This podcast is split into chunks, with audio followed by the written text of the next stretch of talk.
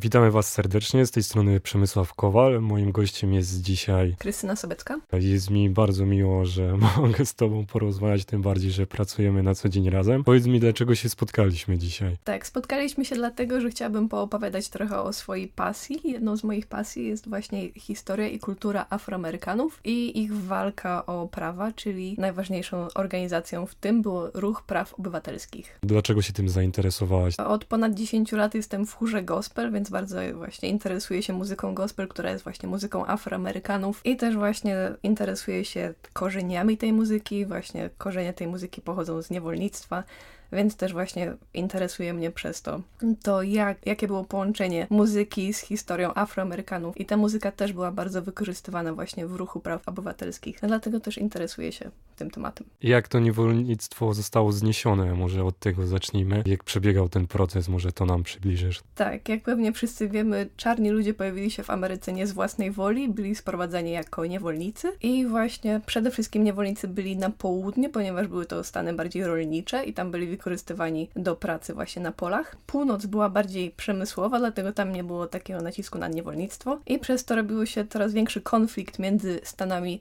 północy i południa. Południe bardzo naciskało na to, żeby dalej kontynuować niewolnictwo, ponieważ to było ich zaplecze finansowe, a północ jednak była za tym, żeby je znieść. I to doprowadziło do wojny secesyjnej w 1860 roku, która zakończyła się w 1865, oczywiście zwycięstwem północy, które doprowadziło do wprowadzenia trzech poprawek do konstytucji. Jedna z nich właśnie znosiła niewolnictwo, a pozostałe dawały prawo obywatelskie dla czarnoskórych, a także prawa wyborcze dla czarnych mężczyzn. I powiedz mi od początku już w momencie, w którym te prawa zostały wywalczone, zostały przestrzegane i wprowadzone, czy był to mimo wszystko jakiś dłuższy proces i wcale ci czarni nie mieli tak łatwo od samego początku? Tak, oczywiście na początku udawało im się trochę korzystać z tych praw, jednak bardzo szybko pojawił się opór od białej ludności południa. Zaczęli e, organizować się w organizacjach typu Ku Klux Klan, a także wprowadzać prawa tylko w swoich właśnie stanach południowych, które nazywane są potocznie Jim Crow Laws, które właśnie w sprytny sposób przemycały jednak ograniczanie praw właśnie czarnych obywateli Stanów Południa jak segregacja, jak e, ograniczanie praw e, wyborczych przez to, że zostały wprowadzane różne ograniczenia finansowe, że trzeba było mieć jak, jakieś zasoby finansowe, żeby móc zapisać się jako, jako osoba głosująca, e, lub ograniczenia przez wprowadzanie testów z tego, czy jesteś wystarczająco piśmienny.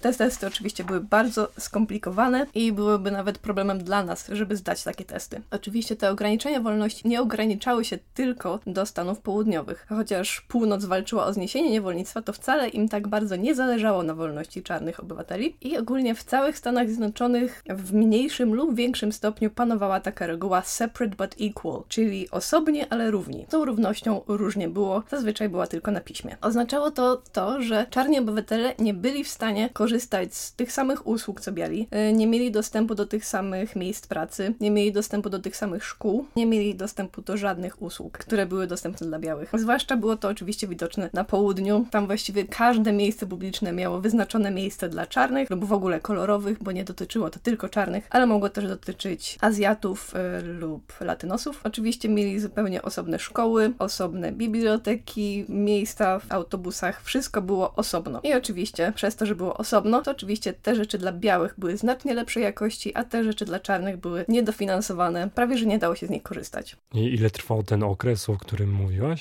Zaczęło się to wprowadzać już pod koniec XIX wieku i trwało tak naprawdę do lat 60.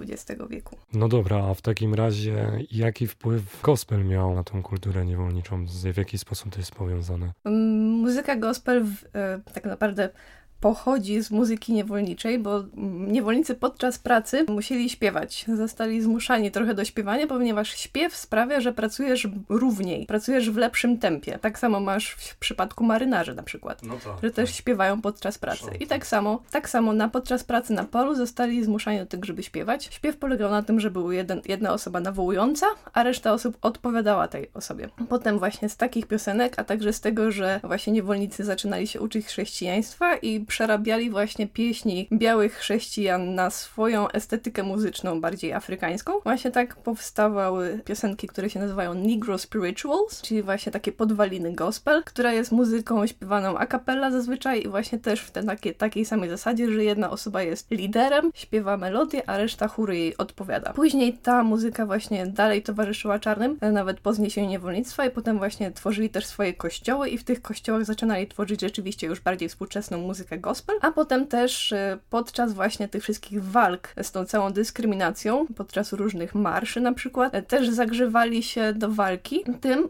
że właśnie śpiewali te pieśni, bo pieśni Negro Spirituals też miały dawać trochę otuchy, dawać otuchy na lepszą przyszłość. Często mówiły o historiach ze Starego Testamentu, typu historia o tym, jak Mojżesz wyprowadził Izraelitów, więc oni tymi pieśniami mówili sobie, że będzie lepiej. I tak samo potem w czasach ruchu praw obywatelskich śpiewając dawali sobie otuchy. Tworzyli pieśni o tym, że nikt nie może mnie ograniczać, że nikt mnie nie powstrzyma, że będę dalej szedł, będę dalej szedł w tym marszu, będę dalej szedł, aż dojdę do lepszego świata. Okej, okay, a jaki był odbiór społeczeństwa w tamtych czasach e, właśnie na zerwanie w ogóle z jakimś dogmatem kościelnym, czyli no, jesteśmy weseli i śpiewamy w taki sposób o rzeczach, gdzie no, chrześcijaństwo czy katolicyzm e, raczej, no katolicyzm preferuje raczej taki to się hedonistyczny styl mszy, tutaj mamy mega wesołe e, śpiewanie i jak się na to zapatrywali ludzie, jaki był odbiór w tamtych czasach? Znaczy też w Stanach Zjednoczonych nie mamy do czynienia tak naprawdę z katolicyzmem, poza później imigrantami z Irlandii. Tam mamy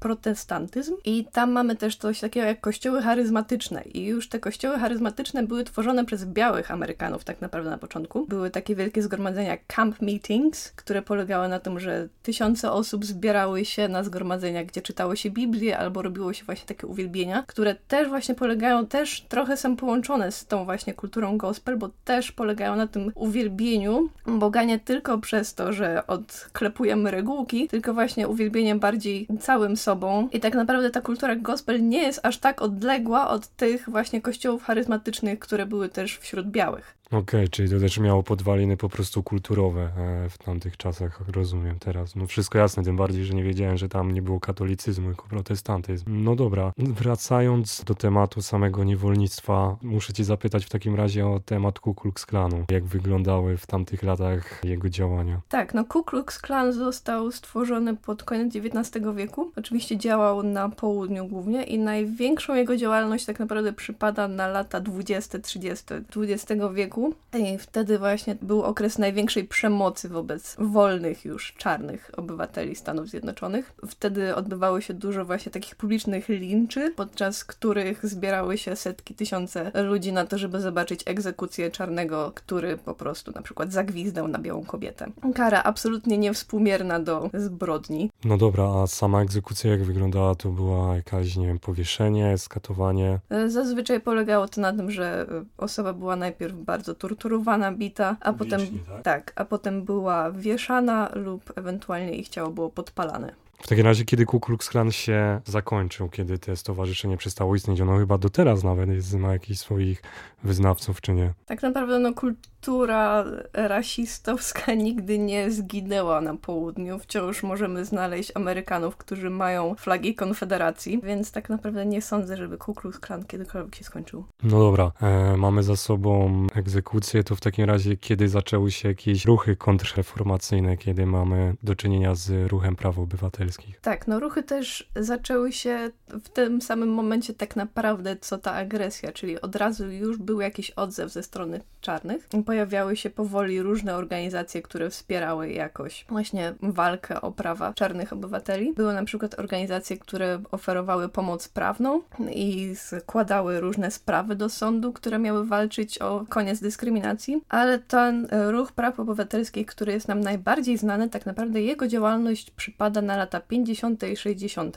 Tak naprawdę nie była to bardzo jednolita organizacja, była to tak naprawdę sieć rozsiana po całych Stanach Zjednoczonych, sieć takiego bardziej wsparcia ludzi, którzy chcieli walczyć o wolność. E, ruch praw obywatelskich tak naprawdę znamy z tego, że e, łączyła ich filozofia. Filozofia polegała na tym, że trzeba było walczyć, ale nie robić tego w sposób agresywny. Trzeba było w sposób pokojowy, ale jednak stawiać opór dyskryminacji i temu, jak byli traktowani. I tak naprawdę ruch praw obywatelskich to była taka sieć, która dawała wsparcie ludziom, którzy chcieli walczyć właśnie w ten sposób. I wsparcie polegało na dwóch rzeczach. Przede wszystkim były to szkolenia, szkolenia filozoficzne i szkolenia praktyczne, czyli najpierw musiałeś się dowiedzieć, dlaczego masz właśnie walczyć w sposób nieagresywny, walczyć pokojowy, robić ten e, nieagresywny opór. Potem miałeś szkolenia z tego, jak to zrobić w praktyce, czyli po prostu przygotowywałeś się do tych form protestu, które będziesz robił i przygotowywałeś się do tego, z jaką agresją się spotkasz. Czyli twoi koledzy z ruchu krzyczeli na ciebie, pluli na ciebie, szturchali cię, żebyś poczuł to, co poczujesz podczas walki i żebyś się przygotował na to, jak nie odpowiadać agresją na takie zachowania. Jak gdzie oni się spotykali? Bo to były setki, tysiące ludzi. Myślę, że nikt nie jest w stanie tego policzyć, bo były to tak naprawdę to nie była e, stricte organizacja zrzeszona, tylko właśnie to były takie sieci, że w jednym mieście na przykład pięć osób się mogło spotykać u kogoś w domu, albo spotykali się w kościołach, albo w jakichś e, domach kogoś bardziej znanego, u jakichś pastorów. Więc nie da, nie da się określić tak naprawdę skali, ale była to, był to wielki ruch, bo jego działalność odbywała się właściwie w całych Stanach Zjednoczonych. Oczywiście największą ich działalnością znowu musiała poświęcić się południu, bo tam była jednak największa ta dyskryminacja i korzystali z różnych takich nietypowych dla nas form, bo my myślimy protest, no to po prostu wychodzi się na ulicę. A oni walczyli w różne sposoby, na przykład walczyli poprzez bojkot usług. Najbardziej znaną sytuacją była sytuacja z 1955 roku, związana z postacią Rosa Parks. Rosa Parks była czarną obywatelką i pewnego dnia wracała po ciężkim dniu w robocie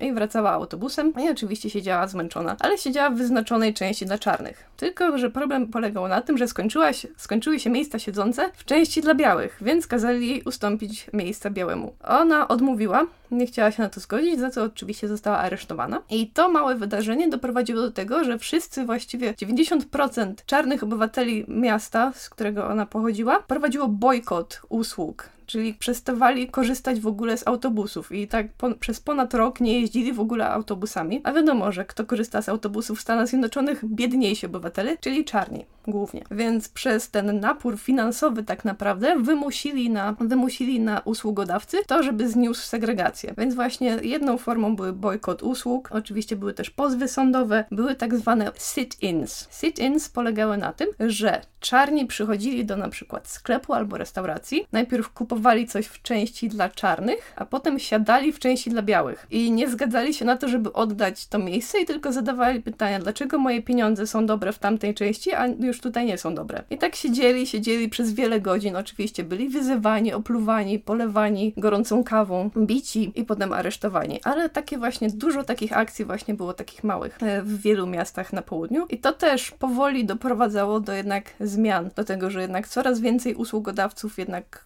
przestawało przestrzegać segregacji. Były też oczywiście marsze organizowane i były też organizowane coś takiego jak Freedom Rides. Freedom Rides polegały na tym, że czarni przyjeżdżali z, z północy w autobusach i siedzieli na wszystkich miejscach. Na północy mogli to jeszcze robić, a na południu już nie. I nie przesiadali się do tyłu autobusu, przyjeżdżając na południe. I oczywiście wiązało się to z dość sporym niebezpieczeństwem, bo jak przekraczał ten autokar granice Stanów Południowych, to często właśnie Ku Klux Klan albo inne niezrzeszone, niezrzeszeni rasiści po prostu ich atakowali, wrzucali koktajle Mołotowa do tych autobusów. Naprawdę? Aż tak poważne?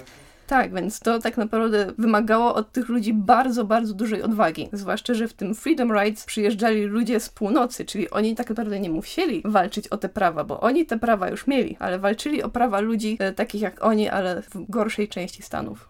No dobra, a mam do ciebie pytanie z perspektywy już współczesnej. Jak patrzysz na to, co stało się w Stanach Zjednoczonych, gdy wybuchły te protesty Black Lives Matter? Nie wiem, sądzisz, że to poszło znowu w drugą stronę zbyt daleko? Znaczy też trzeba myśleć o tym właśnie, jakie jest podłoże historyczne kontekst, tego, mhm. kontekst, jaki jest, też, jaki jest też poziom frustracji, który doprowadza do tego, że ludzie zaczynają jednak działać agresywnie. Teraz już nie mają tego wsparcia ruchu praw obywatelskich, który by im dalej tłumaczył filozofię nieagresywności żadnego oporu. Więc nie mając tego wsparcia, łatwo jest popaść właśnie w tą frustrację i dać się ponieść tej frustracji. Jednak cały czas tak naprawdę oni wciąż odczuwają te wszystkie wyniki tej segregacji, tej dyskryminacji, których, która dotykała ich najbardziej ich dziadków, ale tak naprawdę pokoleniowo ona dalej przechodzi na kolejne pokolenia i dalej wciąż nie ma tak naprawdę równości w Stanach Zjednoczonych przez to, jaką mają historię. Okej, okay, a jak widzisz rozwiązanie tego konfliktu? Myślę, że przede wszystkim trzeba zaakceptować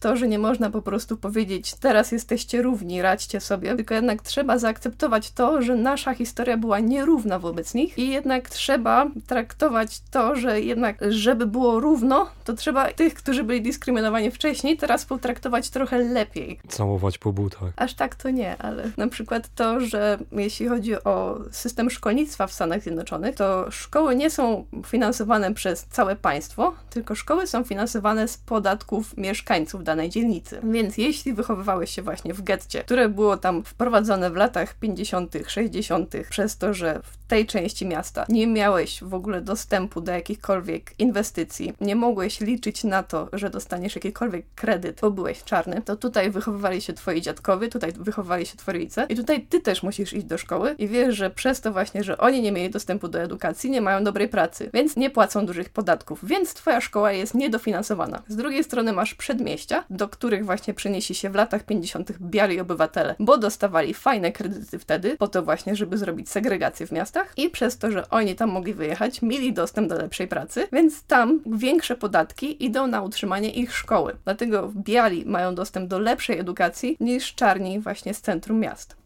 Mega Ci dziękuję za tą krótką, ale treściwą wypowiedź. Mam nadzieję, że nasi słuchacze nie oburzą się za określenie czarny, którym się tutaj posługiwaliśmy, bo nie robiliśmy tego w sposób e, nonszalancki, czy mający na celu kogoś obrazić, wręcz przeciwnie. Było mi bardzo miło z Tobą rozmawiać. Mam nadzieję, że jeszcze raz się kiedyś spotkamy i przedyskutujemy jakiś ciekawy temat. Dziękuję bardzo i do usłyszenia.